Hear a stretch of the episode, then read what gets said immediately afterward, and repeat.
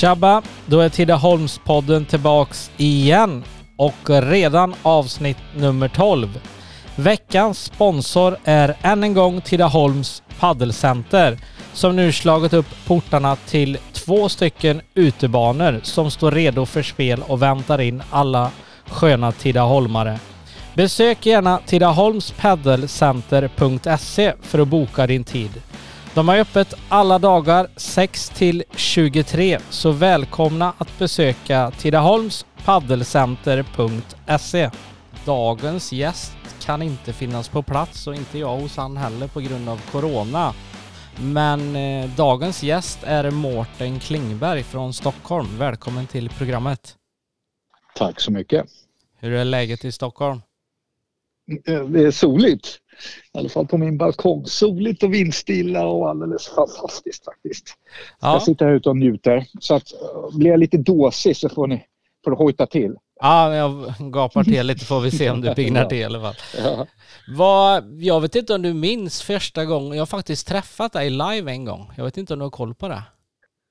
Är det så? Jo, men det skrev du till mig. Men, men, men, men eh, påminn mig.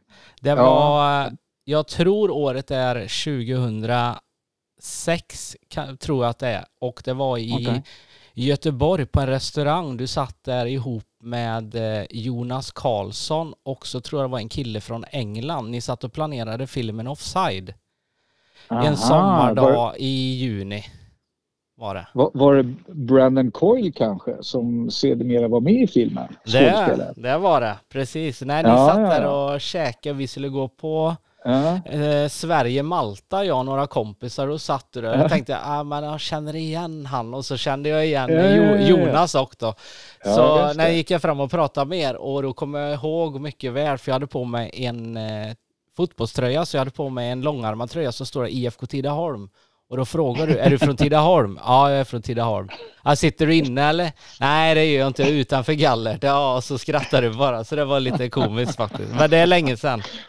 Annars var det inte en superskarp fråga om jag får vara lite självkritisk. Jag eh, frågade om det var från Tidaholm, jag hade en Tidaholmströja. Men, men, eh, Nej, men, eh, det är bättre med vitsen sen då, då om man får eh, recensera sig själv. Ja, ja vad, vi brukar göra så med gästerna Mårten, vi hoppar tillbaka till skoltiden. Hur minns du din mm. skoltid?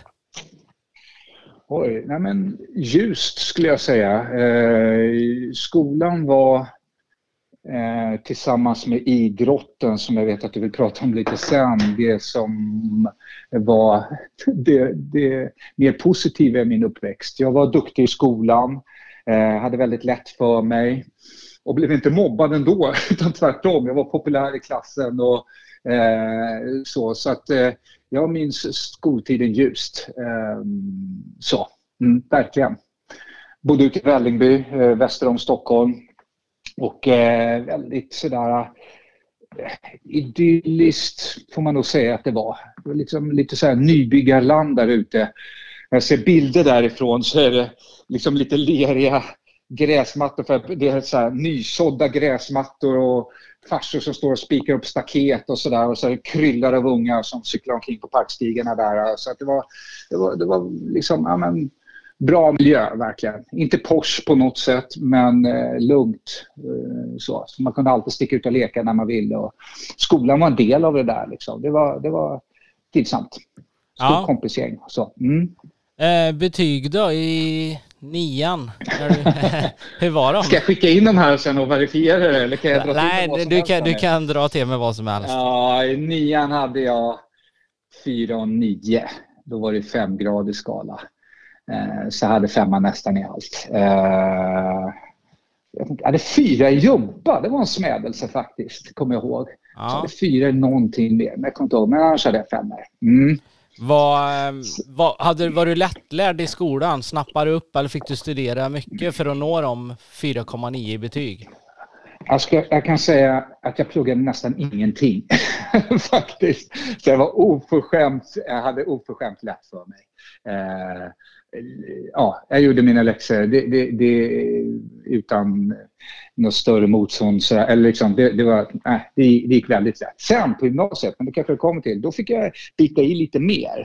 Eh, då gick jag naturvetenskaplig linje och då var det lite fler sådana som, som jag helt enkelt som hade bara glidit igenom högstadiet eh, utan att behöva anstränga sig. Men, men eh, upp till nian så, så krävdes det inte så mycket av mig. Det gjorde det inte faktiskt.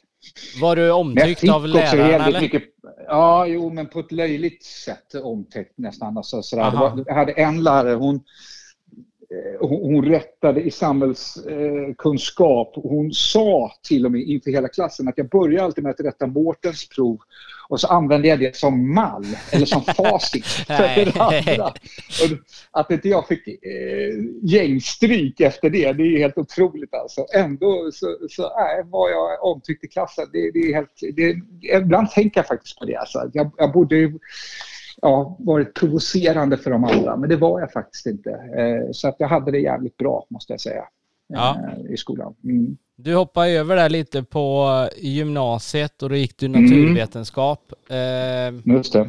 Då fick du kämpa hårdare då, mer var det tuffare konkurrens när ni var så många som var bra i skolan nu helt ja, plötsligt? Ja, men lite så var det. Då, då höjdes kraven där. Jag pluggade på sådär, men jag hade ju kunnat Eh, jag vet inte om du ska fråga mig om mitt snittbetyg där också.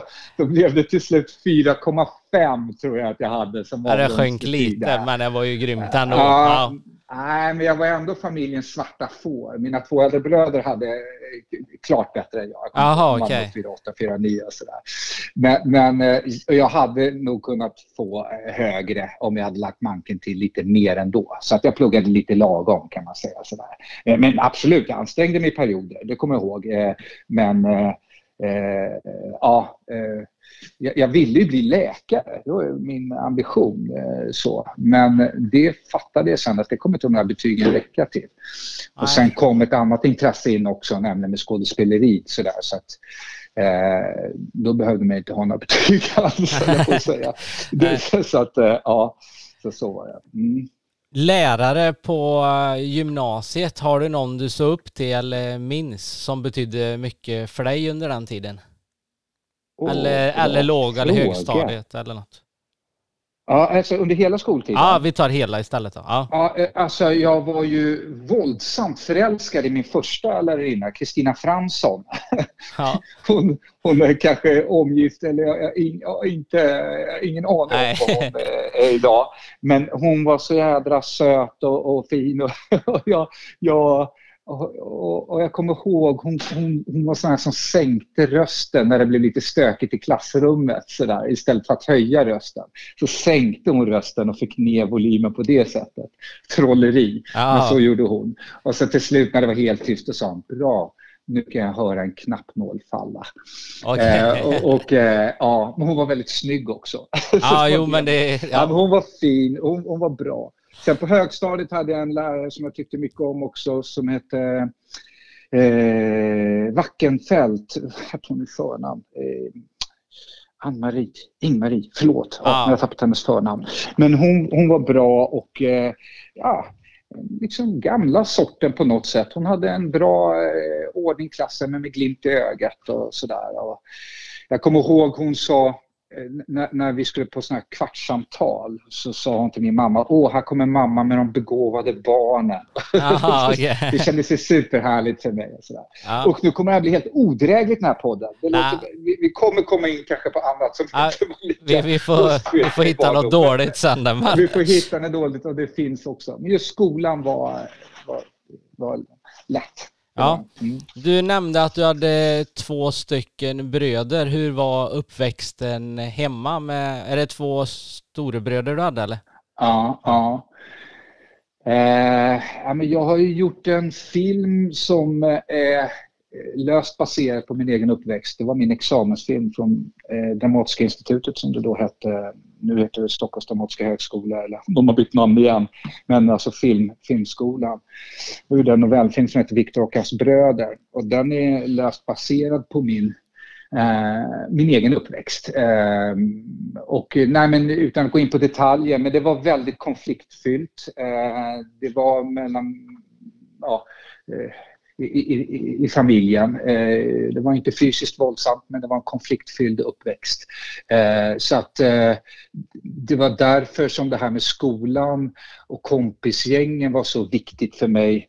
Det var liksom min räddning kan man säga. Men hemma var det liksom inte så kul eh, på många sätt. Jag hade kärleksfulla föräldrar, det hade jag verkligen. Men, men eh, det var anspänt kan jag säga. Ja, vad jobbar dina mm. föräldrar med?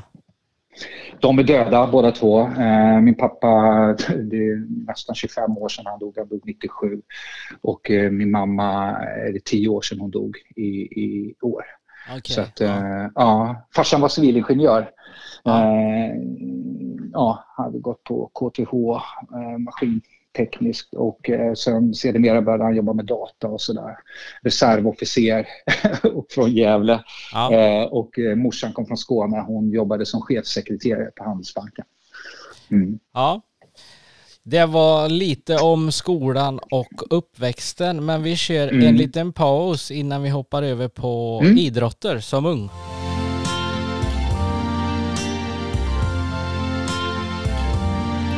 Jag ser glas med öl. Vänner lika så. Vi dricker en skål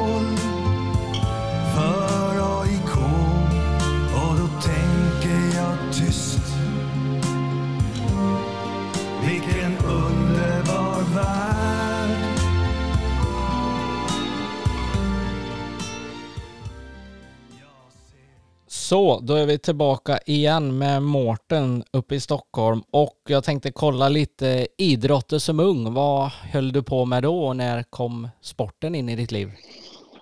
Alltså tidigt. Eh, det första, eh, min första idrott var simning. Det började med kanske när jag var sju eller något sånt där. Och eh, det tyckte jag inte var så... Det är nog den, den idrott som jag haft mest talang för. För jag var relativt storvuxen och, och sådär. Så att, men, men, jag tyckte inte det var så kul. Det var inte så kul tränare och ligga där och mata längder. Det, det var inte så jävla festligt.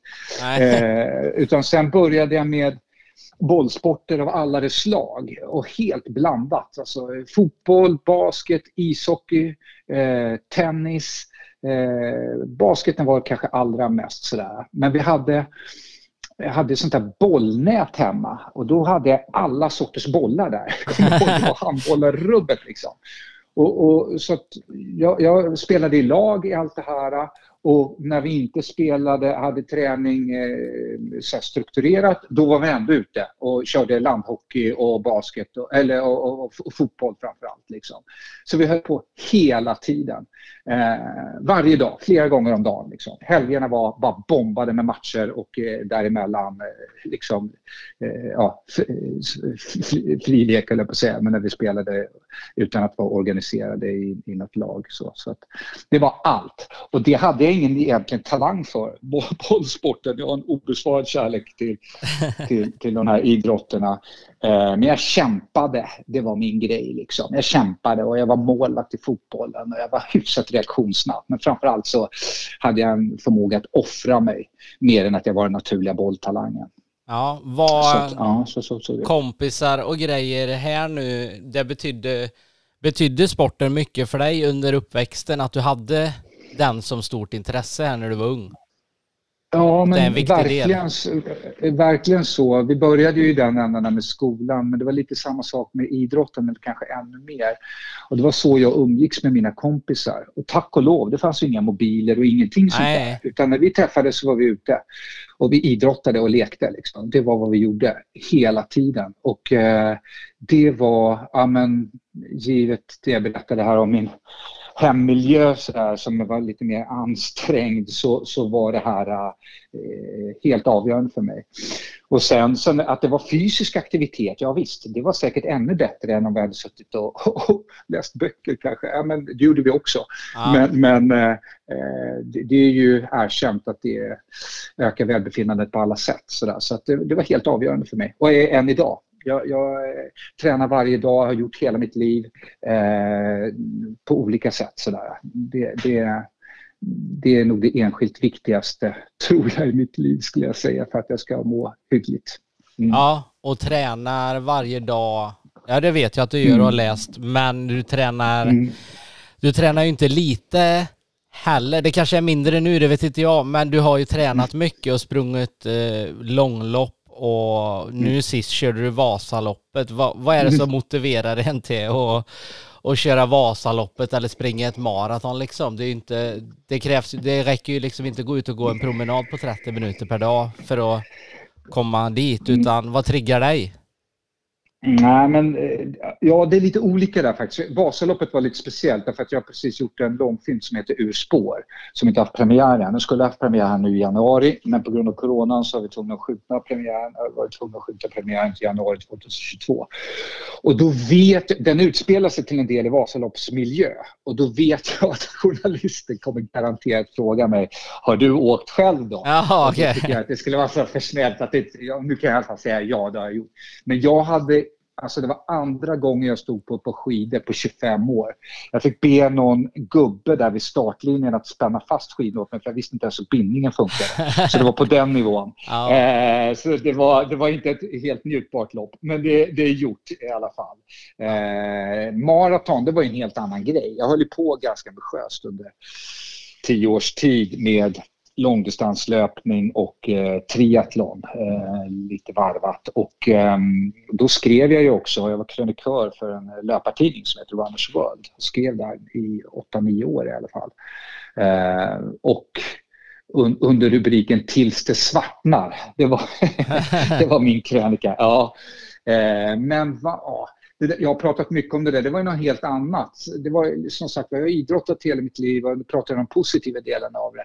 Allt i det där var inte positivt ska jag säga. Jag tycker att eh, jag pushade mig själv lite för hårt, det var lite för ångestridet, det var, handlade om eh, ja, men det, det, var så jävla resultatfokuserat eh, och inte så mycket nu ska jag gå ut och springa och ha kul utan det var väldigt systematiserat, eh, stenhårda intervallpass och eh, ja, eh, så att det var lite, det var, det var, det var lika delar ångestframkallande faktiskt eh, kan jag säga nu när, när jag är ute ur det där. Nu tränar jag på ett annat sätt. Jag tränar som sagt var fortfarande varje dag men jag skulle inte ge mig in i det där igen.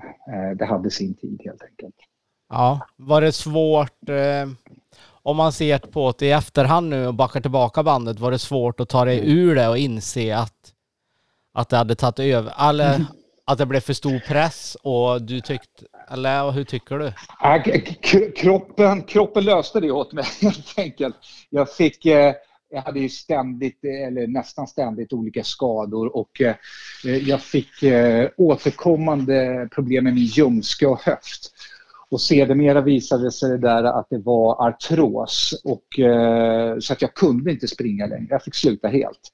Eh, och då var det ganska lagom också. Jag var, jag var mätt på det. Så men, men, men, det gjorde att det, det gick inte längre helt enkelt. Eh, och nu har jag opererat ena höften och gjorde jag höstas och kommer att operera den andra höften också här så småningom. Ja. Eh, så det löste sig av sig själv kan man säga. Men jag saknar det inte. Jag saknar inte. Jag är jätteglad att jag har gjort det. Jag är eh, ibland lite stolt över de tiderna jag gjorde utan att ha någon speciell löptalang heller. Och jag var ganska storvuxen också. När jag sprang som bäst och vägde jag ändå sådär 82-83 kilo, vilket är ganska mycket. Hur lång är det? Snabbt, så Ja, 1,87. Ah, okay, ja. Jag kommer ihåg när jag sprang New York Marathon och eh, när jag passade där, när jag var i målfållan där, de andra killarna, de gick ju mig till axlarna. de var ja. små, små vättar. Ja. ja. Vad, vad har du som, eh, min, det är klart du minns, vad har du som eh, bästa tid på maraton? Ja, nu bjöd du in till det och, och då ska ja. jag säga det att enligt de här tabellerna, håller du på och springer du själv eller? Nej, jag springer, men jag sa med en löpare i podden framöver som har sprungit ja, ja, ja. Eh, rätt så mycket. Ja. och jag gjorde ingen märklig. Jag gjorde 2.57 på maran eh, och det var det var inte min, min, de tiderna som, jag var bättre på milen så där sprang jag på 36, 40 och 5 kilometer 17.51 och halvmaran 1.21 eller vad det var. Du ser, jag kan ju rabbla de här tiderna. Ah. Så det, är, det är goda, goda motionärstider men eh, utan att vara märkvärdigare än så. Men det var bra för att vara jag. Ja. Ja, vad, hur långt upp eh, gick du i fotbollen? Hur, när la du av med de här bollsporterna du pratar om?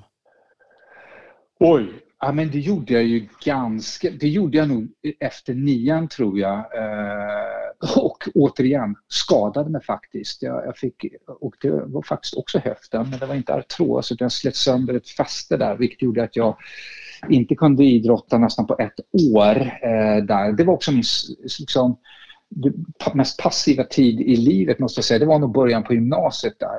Eh, för att då, då, I samband med att jag började gymnasiet och hade den där skadan så slutade jag spela också. Eh, men jag var ju inte duktig på det. Jag spelade i Spång IS andra lag och hade ändå någon slags fantasi och dröm, kanske inte upp i 15-årsåldern men åtminstone tills jag var 12-13 att jag skulle bli fotbollsproffs. Okay. Men det saknade helt verklighetsförankring. Det var ju liksom det, det var, jag var medioker i Spång IS andra lag.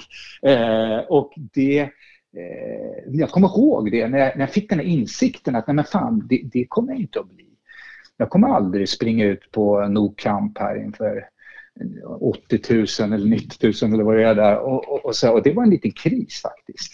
Eh, så att, eh, ja, sen kom ju skådespeleriet in istället. Och ibland tänker jag att det där hänger ihop lite grann. Att jag hittade en annan arena helt enkelt att ja, synas i. Ja, mm, precis. Mm, Vad mm. nu då i vuxen ålder, eh, du pratar lite fotboll här nu och trodde att du skulle bli fotbollsproffs en gång i livet, mm. men eh, går du på mycket fotboll uppe i Stockholm eller åker iväg och kollar landskamper eller vad, hur är intresset för dig nu?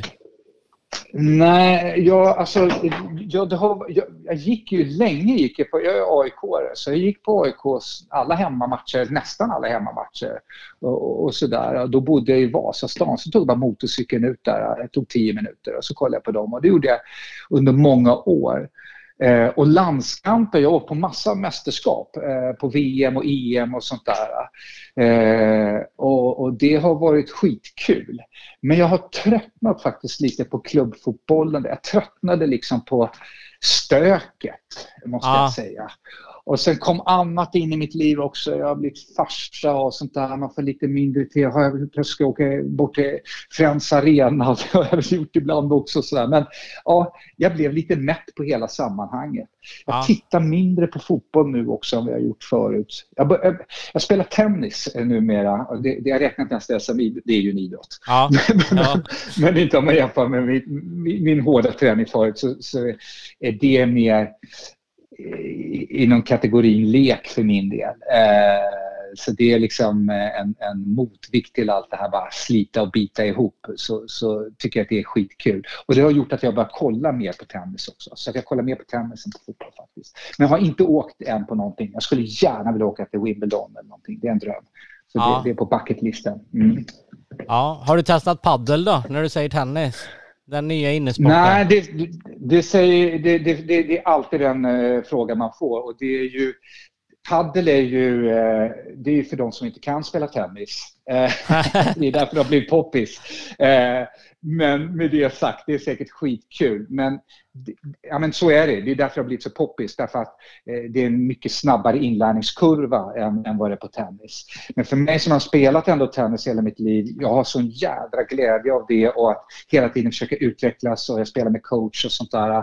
Eh, fan, sa jag att det var lek där? Nu låter det jävligt allvarligt. Ja, nu, nu var det coach helt plötsligt. exakt, för det lät det som en men, hobby typ, men nej, nu har vi coach också. Exakt, exakt. Ja, men precis drömmen är att jag ändå ska tjäna pengar på det här. Ja. Nej, det är det inte. Men jag tror att padel är skitkul. Men jag har sån glädje av tennis så att jag, jag prioriterar det. Mm. Ja, vi kör en liten paus igen innan vi hoppar mm. över på dina jobb.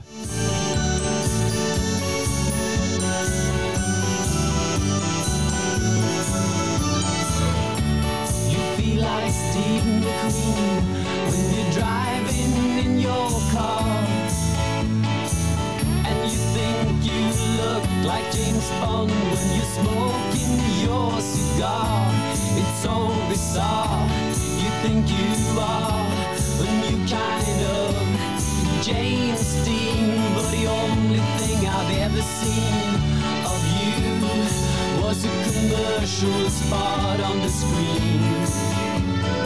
Movie star, oh movie star.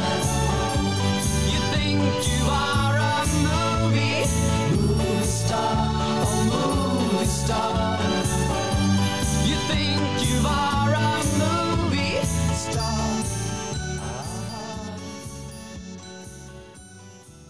Minns du ditt första sommarjobb? Uh, första sommarjobb?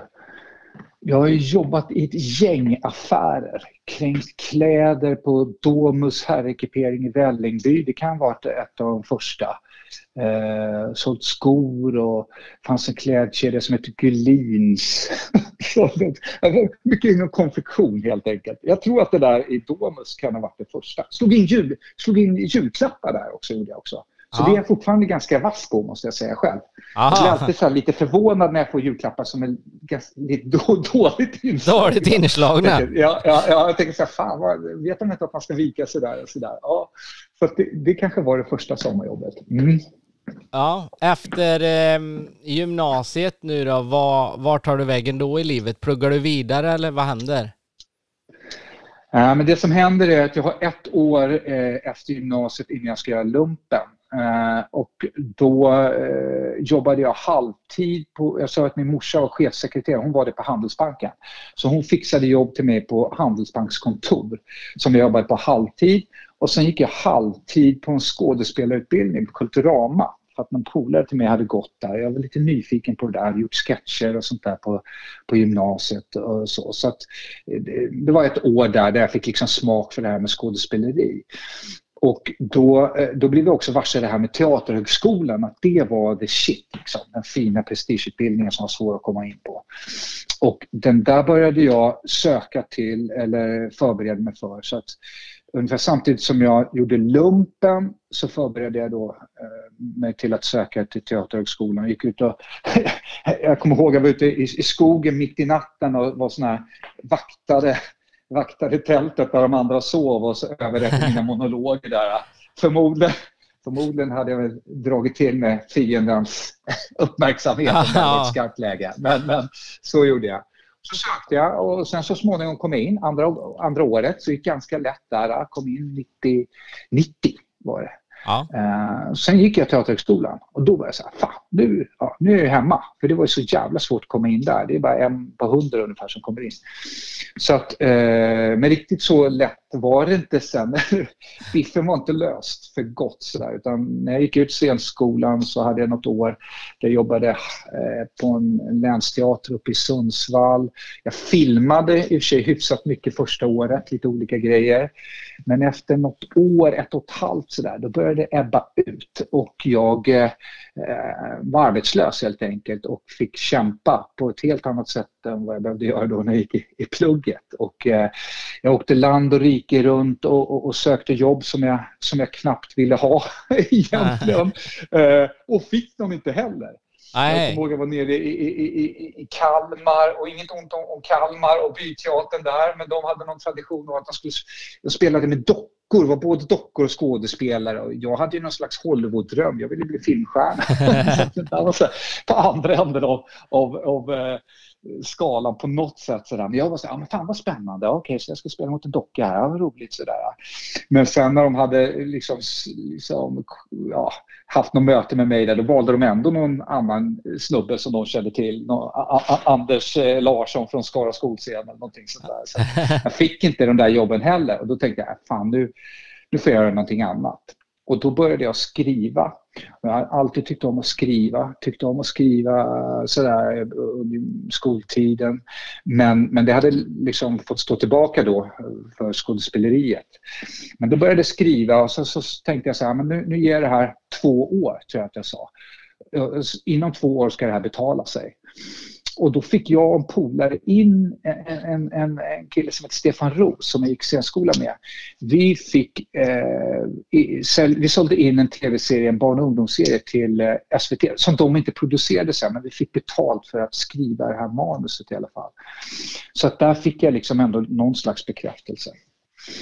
Och sen, nu blir det en lång historia, men sen så småningom, jag gick på en folkhögskola ett, ett år som heter Biskopsarne, eh, att skriva dramatik. Och sen sökte jag in då till det som då hette Dramatiska institutet, Filmskolan, och kom in där. Och eh, gick ut därifrån 2001. Och sen dess, de senaste 20 åren då, har jag då jobbat som manusförfattare och regissör i huvudsak. Och, och skådespelat lite eh, vid sidan om sådär. Mm. Ja, Efter... Lång historia ja, idag, men det... fick du hela... nu, nu fick jag ju det jag ville ha i alla fall. Ja. Men ja, när... Vad, vad, tycker du själv? Vad är ditt största, eller vad är ditt genombrott och du känner efter du har gått ur scenhögskolan där eller det, scenskolan, ja. Scenskolan. Ja, teater, teaterhögskolan heter den på riktigt och kallas scenskolan. Så det, ja, det, det är inte konstigt att du blandar ihop det. Vad sa du, mitt genombrott? Ja, eller vad tycker du själv att eh, vad är det du gör det första efter du är klar där liksom som du tycker att nu, nu känns det bra, nu kommer det rulla in lite jobb eller? Mm. Ja, men det, är en, det är en bra fråga och det finns ett väldigt, väldigt tydligt sånt ögonblick för mig och det var Ja, men det, eller, Först var det faktiskt att det kom in på, på eh, filmskolan där, men det var ju fortfarande osäkert. Liksom. Jag hade gått en fin prestigefylld högskoleutbildning tidigare då, Teaterhögskolan, och eh, det, det ledde inte till någon nej, omedelbar framgång. Den gav ingenting? Eh, nej, jag, nej, jag ska säga ingenting, men det var i alla fall inte sådär att det öppnade alla portar.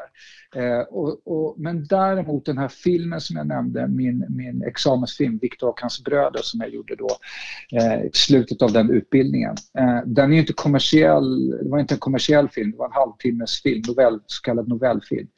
Men den där filmen, det, det, den blev en sån här festivalstänkare kan man säga. Jag vann ett 40-tal internationella priser för den eh, jorden runt. Eh, och det var, det, var liksom, det var helt magiskt. Eh, då, och jag blev het. liksom. jag, jag, jag, kände det att producenter, de har ju koll på den här skolan och eleverna där och jag blev liksom ordentligt uppvaktad från alla håll. Och då kände jag så här att wow, wow, det, det, var, det, var en, det var en väldigt märklig känsla kan jag säga. Det var, jag, hade, jag hade slitit så hårt så länge och kämpat och kämpat och kämpat och fått ganska lite tillbaka. Och så plötsligt så blev jag den här omhuldade och eh, ja, men nästan som jag beskrev under min skoltid då. Men det, var, det låg ju liksom 25 år tidigare i mitt liv, eller 20 år i alla fall. Och eh, det, var, det var där det vände för mig kan jag säga. Eh, sen så kanske det vänder igen på ett negativt sätt, det vet jag inte. Men från den dagen där, 2001, när jag gjorde den där filmen så, så har jag haft en helt annan karriär. Helt annan karriär kan jag säga. Ja. Eh, så det, det, det, det, är en, en, film som inte är känd för allmänheten, den är känd inom eh, liksom, mina kretsar eller man säger sådär. Men, men, men eh, för mig var den helt avgörande.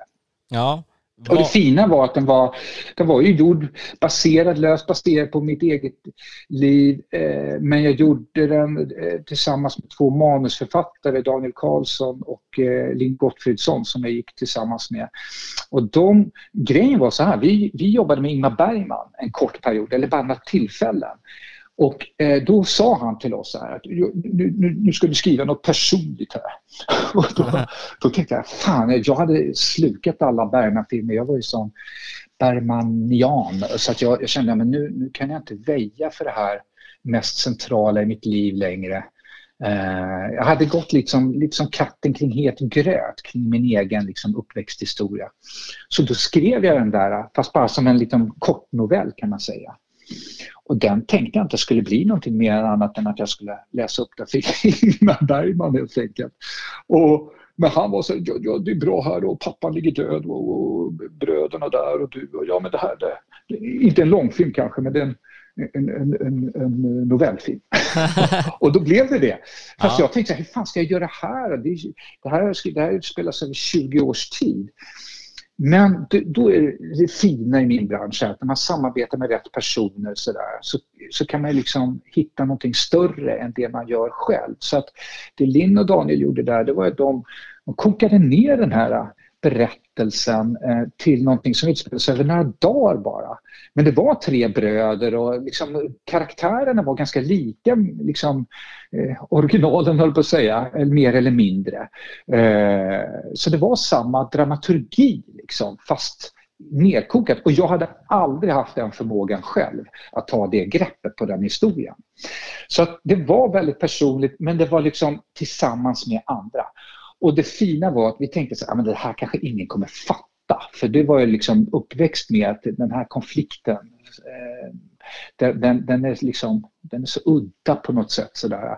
Eh, så att det här kommer inte begripas av någon. Men då klipp till att jag gjorde den här filmen, åkte runt jorden runt, stod eh, liksom eh, mittemot eh, ryska farbröder med skägg och tårar i ögonen som berättade om sina egna familjekonflikter och, och, och sådär. Och taiwanesiska skolbarn som skrev om sina egna familjer och sådär. Det var helt fantastiskt. Liksom. Och det enskilt det mest magiska jag varit med om, att man börjar med någonting personligt och så blir det allmängiltigt. Eh, så så att, ja, det var en härlig resa. Ja, efter eh, detta sen då, du var ju med i många Beck-filmer där under, vad är vi då, är vi 2000? Vad kan det vara? 2000? Nej, det var tidigare. Det var, för det där var, det var, vi spelade in dem där när jag gick på och utbildade mig till regissör. Så det måste vara runt 98 eller något sånt där tror jag.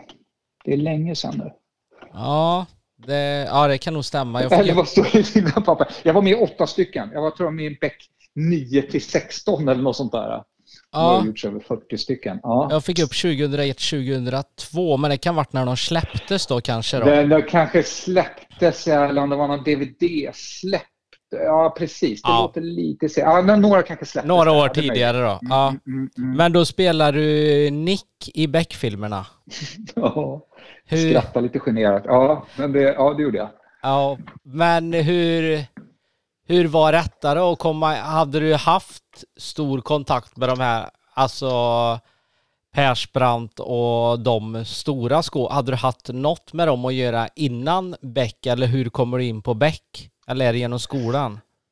Nej, nej, det hade ingen koppling till att jag gick på regiutbildningen utan jag provfilmade helt enkelt och jag var ju skådespelare, jag var utbildad skådespelare så jag hade liksom en fot kvar i branschen. Det var väl någon som, som bad mig provfilma helt enkelt och sen så fick jag den där rollen. Så det hade ingen koppling till det. Däremot så var det lite lustigt för vi spelade in dem där på Filmhuset, eller i studio, studiodelen låg i Filmhuset. Och det var där Dramatiska institutet låg också. Så att jag sprang emellan där. Så ibland var det någon på någon lektion som sa, har du, du har pistol på dig? jag ska in ner och filma här, så, så det, var, det var lite så. Eh, men med Micke och Peter de kände, hade jag inte träffat innan. Nej, det var första gången. Ja. Um... Jag hade ju träffat stora skådespelare förut. Jag spelade mot Sven Wolt. Eller spelade emot. Jag gjorde en liten roll. Han gjorde huvudrollen i Macbeth på Stadsteatern när vi gjorde praktik och sådär. Så jag var väl inte så liksom starstruck. Även om, eh, ja. Men, men eh, ja, det var, det, var, det var en kul tid. Det var roligt. Ja, och sen eh Eh, körde du, eller var ju offside där i mm, början? Det min första långfilm, ja. Ja, mm. hur, eh, hur var det att göra din första långfilm? Skitkul. Det var, det var en fest faktiskt. Det var, jag hade precis spelat huvudrollen i en en indie-rulle som heter Kirchpark och det var jävligt slitigt på olika sätt, mentalt pressande sådär. Och, och, och, och så när jag kom, och så, liksom, så att jag förberedde offside parallellt, jag jobbade som, en jävla, eh, som ett djur verkligen. Men, men, men eh, när, när, så att, och, och, och, offside var lite sådär som jag beskrev min uppväxt. Ja, det låter lite. Ja.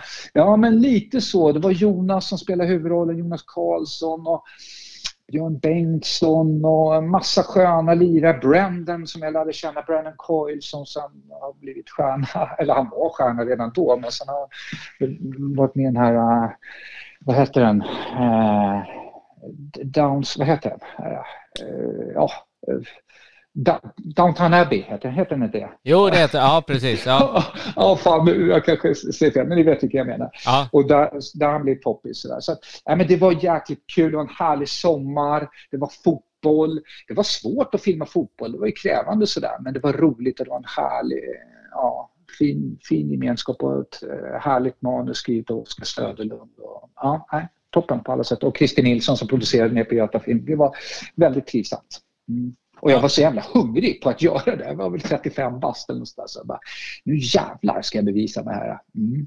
Men den blir bra tycker jag. Ja, nej, den, jag tycker den är, den är ju skitbra. Och gillar man fotboll, och, alltså det är ju ja den är kanon. Riktigt ja, bra. Vad kul att höra. Kul. Ja, jag får faktiskt mejl om det där fortfarande. Folk som ser det där och tycker att det är så roliga lines, inte minst som Torkel Ja, Torkel var ju med också. Ja, Torkel ja, ja, att den är så jävla, som har blivit... Det var någon snubbe som skickade på Instagram. Han hade tatuerat in ett citat från Offside. liksom Torkel hade sagt. Då blir man ju smickrad. Mm. Ja. Eh, sen eh, en gång i Phuket och sen var det cockpit då. Det har rullat på. Ja, just det. Men en gång i Phuket har ju inte jag regisserat. Där var ju bara skådespelare. Nej, men du var ju med i eh, filmen igen. Ja, ja, ja, ja. just det. Vart spelade ni in den? I Phuket? Nej, inte Phuket var vi inte, men vi var i Thailand. Ja, ni var i Thailand. Ja, ja, ja det var vi. Ja. ja. Under en regnig period, så att det var ett jävla bestyr där. Simon Pramsten, fotograf som jag har jobbat med, han hade ett litet helsike, men han rodde ihop det där ändå. Men det kom ju såna här enorma skyfall. Liksom, eh, på en minut kunde det växla vädret, så det, var, det var tufft faktiskt. Men, ja. men ja, den rullar ju hela tiden. Jag står, så fort jag är på gymmet sticker där i rutan. Den av de gamla Beck-filmerna, det är det som folk ser. Ja. Så man tänker så här, fan här går jag och pratar om Victor och hans bröder och sånt där. Eller filmer som man själv har regisserat i. De man är stolt över. Men det folk liksom förknippar med, det är liksom Nicky Beck och, och En gång i pucket. Ja, men, ja, men cockpit, ja, cockpit var rolig också. Ja, men cockpit var kul att säga det. Nej, men det, det Återigen ett fint manus av Erik Arnbom eh, som eh, en annan manusförfattare som, som jag gick filmskola med eh, som är jävligt kul och eh, det var jävligt roligt för att han, han sa till mig, eh, han kom till mig något halvår tidigare och sa du det här var någonting jag hade, jag kan inte dra hela den storyn men det var i alla fall att jag blev lite förtjust i en, en läkare en, en kvinnlig läkare, så hon var mag, mag och tarmläkare. Jag ska inte gå in på alla detaljer där. Nej. Men hon var lite flörtig faktiskt. Eh, sådär. Men innan jag hann bjuda ut henne så hamnade jag liksom i sådär ner, nedtryckt mot någon brits och, och rektalundersökt av henne. Och då skojade vi, jag och alltid och Erik om det, men tänk om jag hade råkat liksom, bjuda ut henne innan och så hade det där blivit svaret på något sätt. Ja. Den där scenen finns med nu i filmen, men då hinner Jonas Karlsson bjuda ut henne, men hon eh, står precis att dra på sig någon handske där och så är han nere i den där förnedrande positionen. Eh, och det är liksom ja, ett dåligt läge i hans liv helt enkelt som, som kulminerade där. Men den, den, och sen ett halvår senare så, så, så kom eh, Mimmi Spång och Rebecca Lafrance, producenten för det, och frågade om jag ville göra det. Jag var skits... Ja, jag tyckte det var ett asroligt manus. Och Marie som jag var tillsammans med, hon garvar åt. Liksom, för jag låg och läste det här manuset en kväll liksom, och jag skrattade högt. Och sen jobbade vi vidare tillsammans med manuset under något år. Så där. Men, men det är ju verkligen det är i huvudsak Eriks. Eh, men den är kul, tycker jag också. Ja. så jag är själv belåten. Ja. Sen eh, har du regisserat eh, Beck-filmer nu på ja, senare mm. år, men eh, mm. det var ju rum... Ja, precis. Mm. Rum 302, familjen och mm. Steinar och allihopa där. Mm. Hur mm. var det att komma tillbaka efter så lång tid och få den positionen i, i teamet för dig? Ja, men det var, det var liksom... Ja, jag kände ju producenterna sedan gammalt där. Thomas Mikaelsson och um, eh, Lasse Blomgren på Finland. Sådär. Men, men det var nog inte för att, ja, jo, visst, man ska inte underskatta att man har känt varandra sedan tidigare, men då hade jag ju ändå en karriär ja, som, som ja, ja, ja. och sådär. Så, att, så att det var inte bara nepotism. Eh, så. Men jag fick ansvaret då att ja, huvudansvar tillsammans med några andra, men jag var första regissör ut, så jag var väl i någon grad konceptuerande där för den nya formen. Liksom. Vi byggde en ny studio, vi, fick, vi bytte ut de karaktärer. Vi, fick, vi, vi skulle inte byta ut Peter och Micke då utan den övriga ensemblen sådär förhöll vi oss fritt till liksom, och skapade nya karaktärer och sådär. Det var, det var ett eh, otroligt lustfyllt arbete och jag, eh, jag har alltid sett på Beck eh, som relationsdrama i krimkostym brukar jag säga. Och det är up my alley liksom. Det var ju, eh, ja man kunde loda i det som jag tycker är intressant. Vuxna relationer som Och, och, eftersom det är brott så är det relationer som går fel så att säga. De går så pass fel så att någon dör. Men ambitionen var hela tiden att göra Eh, Eh, ja, men ta, liksom, ser det utifrån poliserna, ta dem på allvar, ta brottsoffren på allvar och ta förövarna på allvar. Gör alla karaktärer psykologiskt eh, trovärdiga. Det var min ingång i det. Liksom. Och, och, och, nej, det, var, det var jättekul. Och jag skrev vissa av dem. Jag var alltid på involverad i manusprocessen även i de andra och, och regisserade de här. Och eh, nej, det var toppenkul. Det var jag som hade ihjäl Micke Persbrandt, han hade inte ihjäl, men Gunvald i filmen Gunvald också. Ja. Och, och, bara det och det här skiftet med, ersätta den karaktären med Steinar och, som spelas av Kristoffer Hivju och den castingen, det var ju skitkul. Det var ju liksom att jobba med någonting som var så otroligt uppskattat och uppmärksammat från alla håll. Så att det var ju verkligen en press där liksom att fan, byta ut den mest ikoniska ja. eh, karaktären i svensk krimdrama till någonting annat och få det att funka. Det var skitkul liksom. Eh, för mig som inte hade ekonomiska ansvaret då. Andra var väl lite svettigare men, men eh, ja, ja, det var lustfyllt för mig som dramatiker och regissör. Hur, hur blev responsen där när ni plockade bort eh, Persbrandt och så in med han där istället? Ja, men, alltså blir det... Hilje, ja. ja. Nej, men det, vissa tyckte äh, nu fan har ni gjort och bla, bla men det var, det var värst innan. Alltså, jag, jag kommer inte ihåg riktigt om ryktet gick eller så, nu ska han bytas ut. Liksom, vad fan gör de? Men där var det, och där kan inte jag ta, jag, jag kan ta åt mig del av äran till hur vi formade den där karaktären. För att det som man fattade när vi tog bort Gunnel var så här, hmm, okej okay, det är så här Roffe och Silla Börjlind har tänkt när de plockade ut de här två karaktärerna ur en större ensemble som var Sjöwall Wahlöös. Äh, liksom för de är sådana tydliga motpoler. Ja. Eh, det är liksom hjärnan mot musklerna på något ja. sätt. Eh, överjaget och det undermedvetna. Alltså det, det är därför man har kunnat snurra de där karaktärerna så länge. Så vi fattade att aha, om vi nu ska ha in en ny karaktär så måste den ha en likvärdig motvikt till eh, Beck-karaktären. Samtidigt så får det inte vara en dålig kopia då på Gunvald. Så det måste vara liksom, till en del annorlunda. Och då utkristalliserade sig den här karaktären då Steinar som också går utanför ramarna, följer inte liksom, eh, regelboken alla gånger. Men till skillnad från Gunvald så är han en family guy, han har eh, barn, vi får vara hemma hos hans familj. Men Gunvald var ju så här man visste knappt var man bodde. Man var väl hemma hos honom någon enstaka gång. Och liksom, vi, vi, skulle göra någon scen, jag och Micke där i någon film, jag kommer inte ihåg vilken det var, var det familjen kanske? Och så skulle, skulle han vakna upp och, och så sa Micke så fan, fan sover Gunnar? Sover han i, kanske står i garderoben? Och så här, det är som vet. Och typ så var det. Och Steinar någonting helt annat. Han skulle vara tjenis med buset. Ja, lång historia, men det, det, det, var liksom, det var jävligt lustfyllt. Men det som jag tror gjorde det också, det var att castingen sen eh, blev den här karaktären som eh, ja, men var poppis utanför Sverige i Game of Thrones. Det var liksom lite wow, aha, men det är lite stjärna här i alla fall. Eller lite, det var en, en, en internationell filmstjärna.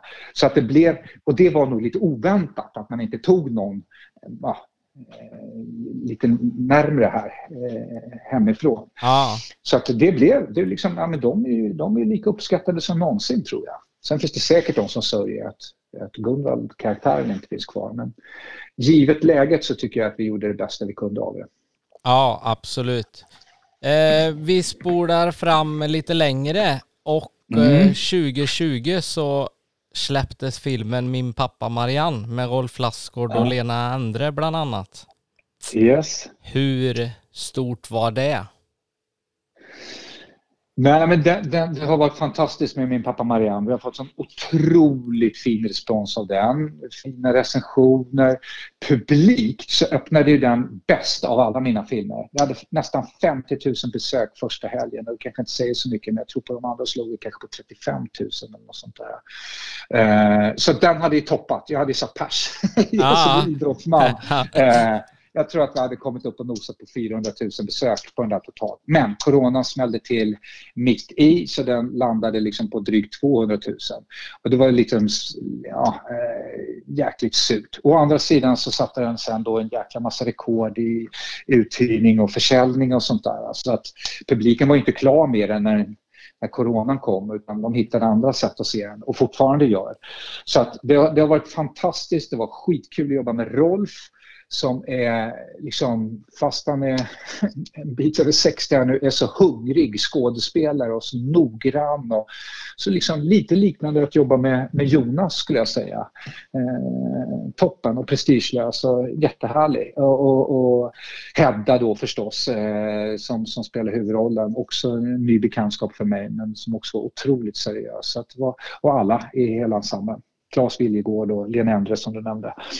Men, men, men det, var, det var att jobba med den där tematiken som vi visste var känslig på många sätt.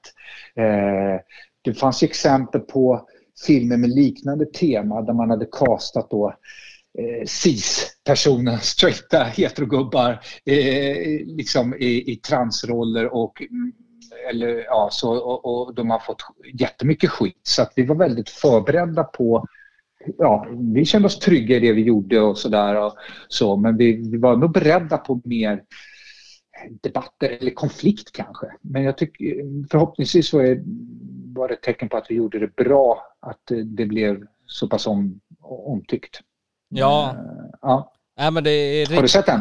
Nej, jag har inte sett Nej. den. Ja, men jag måste se. Jag, nej, jag ska kolla ja. absolut. Men jag har läst eh, recensioner och jag har ju sett vad de vad de har skrivit om en och ja, det förstår, ja. nej jag måste, det är klart jag ska se den. Men eh, min fråga, läser du recensioner själv om dina filmer och tar du åt dig någonting vad, mm. för jag kan tycka så här, sitter jag hemma vid vanliga dödliga Svensson mm. som inte är i mm. filmbranschen, då sitter vi och så mm. ser vi TV4 Nyhetsmorgon och så säger mm. de så här och så här och den här får mm. två solar eller vad det är, eller film. Ja.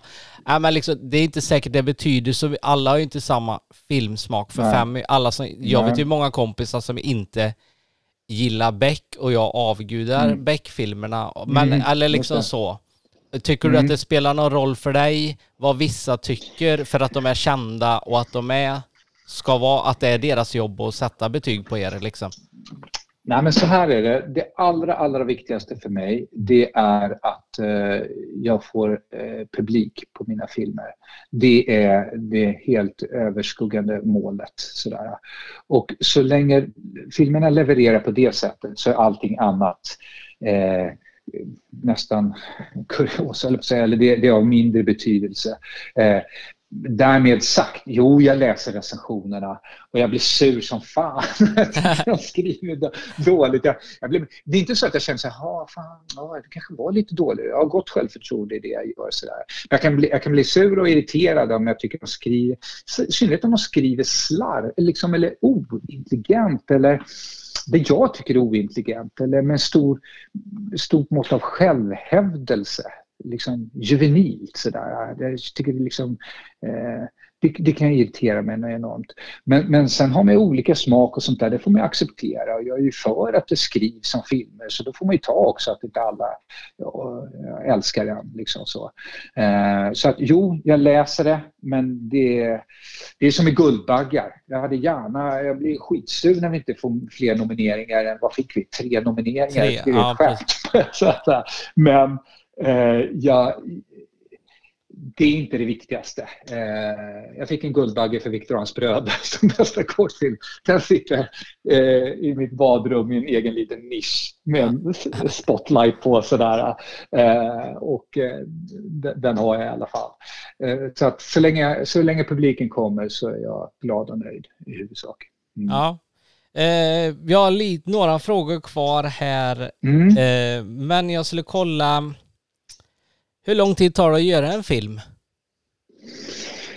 Ja, men det, ja, det kan vara en ganska långdragen process. Jag ska göra en ny långfilm här nu. Vi filmar i, i juli, eh, återigen med Rolf Lassgård. Eh, andra akten heter den, dramakomedi. Och den har vi hållit på med sådär ett tag, men sen kan det vara liksom lite lågintensivt sådär. Men om man säger ett år eh, av lite mer intensivt jobb kanske. Eh, typ så. Av det är ju bara inspelningen en, en, mindre del. Inspelningen är ju två månader ungefär. Eh, men man klipper dubbelt så lång tid och ljudläggningen tar ännu längre tid. Så, så att det är, och förberedelserna tar lång tid. Så, så att, eh, själva inspelningen är som ett slag i ett krig som krävs mycket förberedelse för. Men i tid så är det kortare tid. Liksom, sådär. Ja. Men, men, och sen har du hela manusprocessen och den kan ju ta hur lång tid som ja, helst. Ja, men det förstår jag. Ja, eh, det kan, ja, ja. kan ju ta något år eller flera år. Liksom. Ja. Om du så skulle välja... Projekten blir ju verkligen sådär, man ägnar sig åt under lång tid. Sen kan man göra lite under, under en del av processen så kanske man jobbar med annat parallellt. Jag kanske kan skriva på någonting samtidigt som är tidigt i förberedelsen av en, en, en annan långfilm. Sådär. Ja. Mm, typ så. Mm. Om... Eh om det skulle göras en film om ditt liv, när, ja vad ska vi ta, hur gammal är du nu? 50 typ? Fem, 52, ja. ja. Men om vi säger att det skulle göras en film om Mårten Klingbergs liv när han är 60, vem skulle spela huvudrollen då? En svensk skådis? Det är så roligt, jag har fått den där frågan några gånger. Det, det är alltid den är svårast att svara på. Men du gjorde i alla fall en liten variant på det, att det skulle vara lite framtid.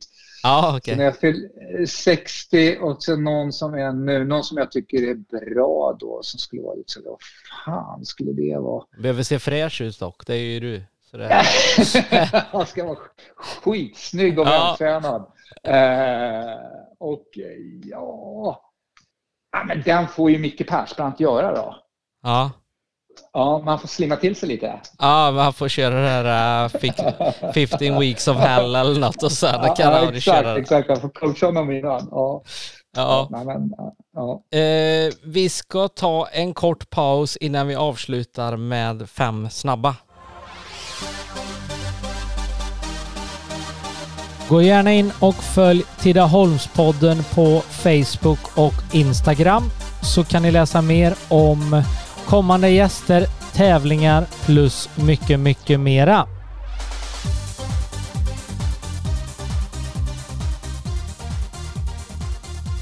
Så, då är vi tillbaka sista gången med Mårten uppe i Stockholm och vi ska köra fem snabba. Film eller tv-serier? Film. Sverigesemester eller utomlandsresa? Sverigesemester. Vasaloppet eller maraton? Maraton. Öl eller vin? Vad sa du? Öl eller Ö vin? Jag gillar ju båda, eh, men eh, om, om det bara fanns det ena så skulle jag nog säga öl. Glass eller godis? det går också att kombinera fint, eh, men då säger jag godis. Ja. Ja, ska jag motivera mina val? Ja, du, du kan, om du har någonting att tillägga på dem kan du få göra. Ja, men film eller tv-serier. Vi lever i en tid av fantastiska tv-serier. Men jag blir ju nästan sådär jag vet, det har gjorts någon studie någon gång på vad som är det optimala antalet eh, valmöjligheter om man ska kränga varor. Och går man över fler än sju då blir, då blir de flesta liksom lamslagna. Då vet de inte vad de ska välja. För de bara känner så här, vad jag än väljer så blir det inte det bästa. Och där är jag någonstans i relation till tv-serier. Att jag, jag vet inte fan vad jag ska se i det här enorma utbudet.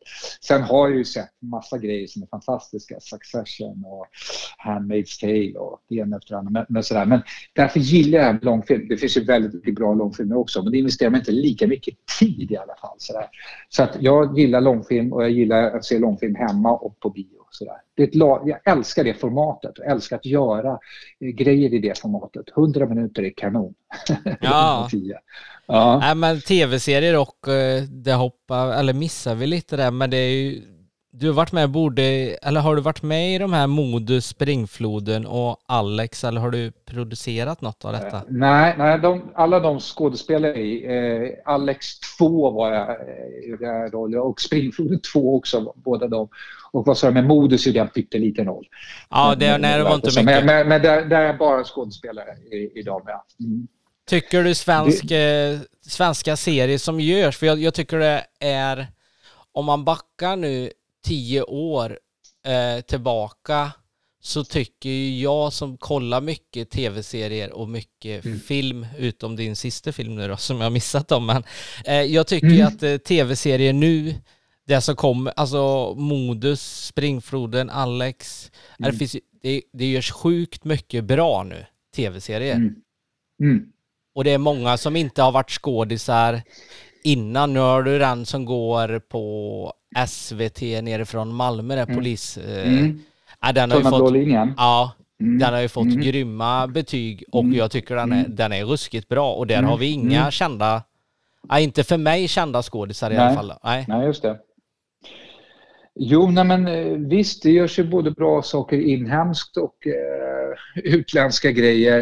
Eh, jag kan ju vara glad åt att eh, liksom folk ändå vill se det inhemska. Ibland kan jag tänka så här, varför, varför kollar folk på, på vårt utan att nedvärdera det? Men liksom grejer som görs med så mycket större resurser och budgetar i USA och sådär. Men jag tror att folk ändå, ja, när det görs en sån här grej som tunna blå linjen och som de gör väldigt bra. Men det är också närheten då. Men det här, det är Sverige, de pratar svenska och sånt där. Jag tror att, eh, det får du rätt många fel där, men det finns liksom en, en lust till det. Det är ju Becks grej också. Sådär. Så att, absolut, det görs mycket bra. Det görs sånt som är mindre bra också. Ja, jo, sådär. det är klart. Men, men, men eh, det finns ett fantastiskt utbud där, det, det gör det. Det är skitkul att vara en del av att det, liksom, jag, har varit så lyckligt lottad här nu under coronan att när folk fortsätter att konsumera film och tv så vi tuffar ju på nästan som vanligt höll jag på att säga med vissa restriktioner under inspelningarna. Det är en ja. annan femma för de som har sysslat med scenkonst. det ja, nej, det är, en annan inte värld, liksom. ja, nej, lika lätt. Tufft, liksom. nej. Nej, nej. Vad um, sista det är ingen fråga egentligen. Det är en inbjudan. Jag bor i Tidaholm. Det är en stad, ja, där ligger... Komma på fika. Nej, ja. men den ligger nära Skövde, det känner du till. Ja, ja, Här i Tidaholm bor det ungefär 12 500 och staden är känd för att göra kök. Sen har vi en stor tändsticksfabrik, Swedish Match. Och sen har vi fängelset. Just det. Och sen har vi Tidan. Vad sa du först? Kök eller? Kök, Marbodal kök. kök. Ja, ja Marbodal, ja. ja. Just ja tillverkas mm. här. Eh, men sen har yeah. vi en stor eh, å, eller Tidan rinner mm. rakt igenom. Så om du yeah. skulle få tanken någon gång och komma hit och göra en film, skulle du ja. göra en mordfilm då?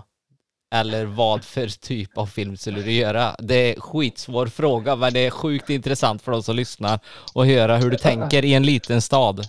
En liten småstad. Ja, just det. Man får inte göra en fängelsefilm då. Ja, jo, du får göra vad du vill. Precis vad du vill. Alltså, det vore ju lite förmätet om jag nu bara slänger ur med någonting, för jag vet knappt om jag har varit i Tidaholm. Eh, så att, så att, eh, eh, men floden där, då inbjuder det lite till att man kan fiska upp något lik ja. där förmodligen. Så att, jag kör väl på mordhistoria ja.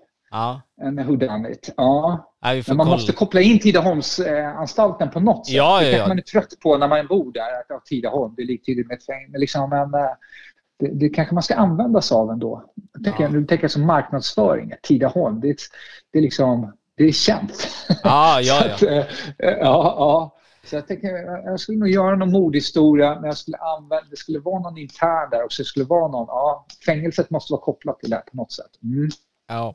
Nej, men det har varit sjukt. Ja, vi får spåna. Vi, vi får spåna vidare. Vi får ta räkmacka och vin och lite bärs eh, efter corona sen och kolla läget. Det låter toppen. Det låter toppen. Du sa stort tack eh, Mårten för du tog dig tid att vara med mm. i Tidaholmspodden och så mm. hoppas vi båda två att corona försvinner fort och så mm. hoppas vi på succé på din kommande film där. Kommer den heta Vasaloppet? Nej, den heter Ur spår. Ur spår och släpps. Eh, ur spår. Eh, med Fredrik Hallgren och Katja Winter spelar huvudrollerna. Rakel Värmland gör en stor roll också. Eh, den eh, har premiär i januari 2022. Så det är långt fram, men, men eh, vi kommer börja marknadsföra den under hösten här. Så att, ja, håll, håll utkik. Dramakomedi. Ja. Man kommer känna igen sig. Det är en typisk Mårten Klingberg-film om man får säga så. Ja, ja men det är gött. Var, ja. Du får en fantastisk sommar och tack för att du tog dig tid för att vara med i programmet. Tack själv. Det var, det var en, en, ett nöje.